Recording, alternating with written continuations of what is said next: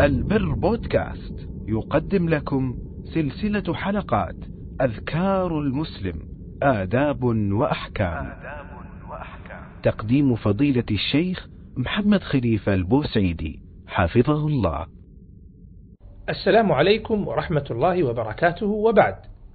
القرآن كلام الله تعالى ولذلك كان له من التوقير والتعظيم ما ليس لغيره من الكلام فقراءته عبادة.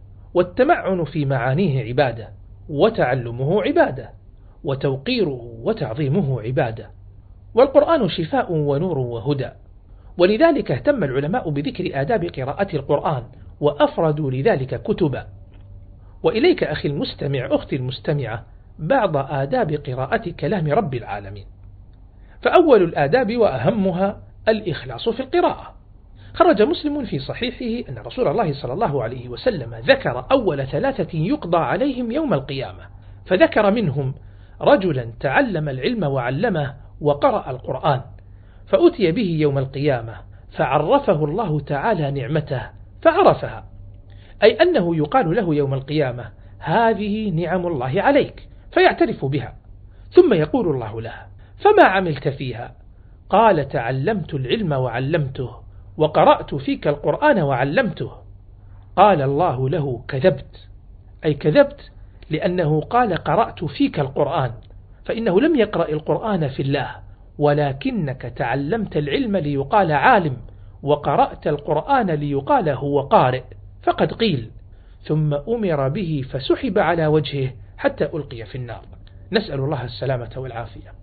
وهذا حديث مخيف فمن قرأ القرآن ليمدحه الناس فإنه معرض لأن يكون مثل هذا. وهذا أكثر ما يفتن به من كان ذا صوت جميل وقراءة حسنة. فإن الناس يكثرون من مدحه وقد تضعف نفسه فيحب مراءاتهم فيتحقق فيه هذا الوعيد. نسأل الله السلامة والعافية. وكذلك من يكثر من قراءة القرآن فيختم كل أسبوع مرة مثلا أو كل ثلاثة أيام مرة. وكثيرا ما يحصل هذا في رمضان. فيحب بعض القراء أن يظهر هذا أمام الناس ليمدحوه. وهذا كله خطير. نسأل الله السلامة والعافية. فلا بد من الإخلاص في الأعمال كلها القرآن وغيره. فإن العمل إذا لم يكن خالصا لله تحول من كونه طاعة إلى كونه معصية. بل يكون من أسوأ المعاصي وهو الرياء وهو نوع من الشرك. لأن بعض الناس يظن أنه إذا كان مرائيا حبط عمله فقط ولم يكن عليه إثم وليس الأمر كذلك. فلا يسلم المرائي من الإثم بل الرياء من أسوأ الآثام وأخطرها. نسأل الله أن يعافينا وإياكم. فهذا الأدب الأول. أما الأدب الثاني من آداب قراءة القرآن فالتزام السنة فيه والبعد عن البدعة. والسنة في قراءة القرآن هي التزام ما نقله الأئمة في قراءة القرآن بإظهار حروفه وأحكام التجويد. مع تحسين الصوت بحسب ما رزقك الله تعالى. كل هذا بدون تكلف ولا تنطع أما تمطيط القراءة بألحان متكلفة فليس من السنة في شيء. فإنك ترى بعض الناس يتكلفون القراءة على ألحان موسيقية معينة وهذه بدعة كرهها الإمام مالك. وقال الإمام أحمد القراءة بالألحان بدعة لا تسمع. وقال مرة القراءة بالألحان لا تعجبني. إلا أن يكون ذلك صوته فيقرأ بحزن مثل صوت أبي موسى. انتهى كلامه رحمه الله. وفي صحيح البخاري أن رسول الله صلى الله عليه وسلم قال ليس منا من لم يتغن بالقرآن. فالسنة هي القراءة بالصوت الطبيعي تحاول تحسينه ما استطعت بدون تكلف. أما تكلف تعلم الألحان حتى تطبق ذلك على القرآن فالقرآن أعظم من هذا وأجل. كما ذكر ذلك ابن القيم وابن كثير وغيرهما وقد سبق كلام الأئمة المتقدمين في ذلك رحم الله الجميع. وكذلك من البدع تعمد القراءة على أوضاع معينة لم يرد الشرع بها كما يفعله البعض من التجمع في منارة المسجد بالليل فيقرؤون جهرا قراءة جماعية يسمعون بها الناس. وكذلك قراءة الختمة في العزاء وتوزيع الأجزاء فيه بحيث يقرأ كل واحد جزءا ويرون أنهم قد ختموا بمجموعهم ويهدوا كل ذلك للميت. فهذه الأوضاع كلها لم تأتي في السنة.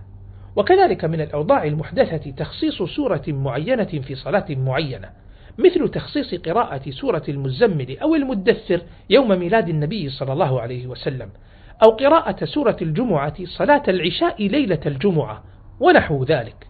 والبدع في هذا الباب كثيرة ذكرها العلماء. وخير الهدي هدي محمد صلى الله عليه وسلم. ومن آداب قراءة القرآن وهو الأدب الثالث الوضوء وتنظيف الفم. أما تنظيف الفم بالمعجون أو السواك فهو مستحب باتفاق المذاهب الأربعة لأن الملائكة تحضر قارئ القرآن وهي تحب الروائح الطيبة والأماكن النظيفة. وأما الوضوء ففيه مسائل كثيرة يحتاجها المسلم مثل السؤال المتكرر هل يجوز مس المصحف بغير وضوء؟ وإذا كان الإنسان لا يمس المصحف لكنه يقرأ القرآن من حفظه فهل يجب عليه أن يتوضأ أيضا؟ وهل الحائض والنفساء والجنب يقرؤون القرآن أم لا؟ وما حكم قراءة القرآن من الأجهزة الإلكترونية؟ أولا إذا كنت تقرأ القرآن من دون مس للمصحف فيستحب لك أن تتوضأ وذلك باتفاق العلماء كما ذكره النووي وغيره. أما غير القرآن من الأذكار فقد اختلف العلماء في استحباب الوضوء لها لكن الراجح أنه يستحب الوضوء لها أيضا وإن كان الوضوء للقرآن أشد تأكيدا. والدليل على استحباب الوضوء لسائر الأذكار غير القرآن ما أخرجه أبو داود عن المهاجر بن قنفذ رضي الله تعالى عنه أنه أتى النبي صلى الله عليه وسلم وهو يبول فسلم عليه فلم يرد عليه. حتى توضأ النبي صلى الله عليه وسلم ثم اعتذر إليه فقال إني كرهت أن أذكر الله عز وجل إلا على طهر أو قال على طهارة. لكن إن احتاج الإنسان أن يذكر الله وهو على غير طهارة فلا بأس. كما إذا كان الماء بعيدا عنه وهو يحب أن يذكر الله أو إذا كان لا يشعر بنشاط للوضوء وهو يحب أن يذكر الله تعالى فلا بأس بذلك إن شاء الله تعالى. وكذلك يحتاج المرء إلى ذكر الله تعالى قبل دخول الخلاء وقبل الوضوء. وفي مثل هذه الأحوال غالبا ما يكون المرء على غير طهارة. والمقصود أن المؤمن يذكر الله تعالى على كل أحيانه كما كان النبي صلى الله عليه وسلم يفعل. لكن إن تسنى له الوضوء مع الذكر فذلك أفضل ويتأكد ذلك مع قراءة القرآن ولا يجب. هذا كله بالنسبة لمن كان محدثا الحدث الأصغر. أما الحدث الأكبر وهو الجنابة فيجوز معه الذكر دون قراءة القرآن الكريم. فلا يجوز للجنب أن يقرأ القرآن الكريم باتفاق فقهاء المذاهب الأربعة. قال الترمذي في سننه وهو قول أكثر أهل العلم من أصحاب النبي صلى الله عليه وسلم والتابعين ومن بعدهم. انتهى كلامه رحمه الله. وفي الباب أحاديث كثيرة لا يصح منها شيء لكن انضمام بعضها إلى بعض يدل على أن لها أصلا كما ذكره المبارك فوري في تحفة الأحوذي أضف إلى ذلك أنه قد ثبت عن أربعة من الصحابة المنع من قراءة القرآن للجنب عمر بن الخطاب وعلي بن أبي طالب وابن مسعود وسلمان الفارسي رضي الله تعالى عنهم جميعا. إذا من كان عليه حدث أصغر فله أن يقرأ القرآن ويذكر الله ومن كان على جنابه فله أن يذكر الله وليس له أن يقرأ القرآن. أما الحائض فأمرها أهون من الجنب كما بينه ابن تيمية رحمة الله عليه في الفتاوى فإنه لم يثبت في حقها حديث يمنعها من قراءة القرآن. وقد أمرها النبي صلى الله عليه وسلم أن تقضي المناسك كلها إلا الطواف بالبيت. وكذلك أمرها أن تخرج يوم العيد مع المسلمين وتشهد الخير ودعوتهم وأمرها أن تعتزل المصلى لأنها لا تصلي. ولم يأذن النبي صلى الله عليه وسلم بمثل هذه الأشياء للجنب لأن الجنب جنابته في يده يمكنه أن يغتسل. بخلاف الحائض فإن حيضتها ليست في يدها فلا يمكنها أن تتطهر. ولذلك يجوز لها على الصحيح بإذن الله تعالى أن تقرأ القرآن من غير مسيس. فهذا كله في قراءة القرآن من غير مسيس. أما مس المصحف فقد اتفق الأئمة الأربعة على وجوب الطهارة لذلك. لقوله تعالى لا يمسه إلا المطهرون تنزيل من رب العالمين.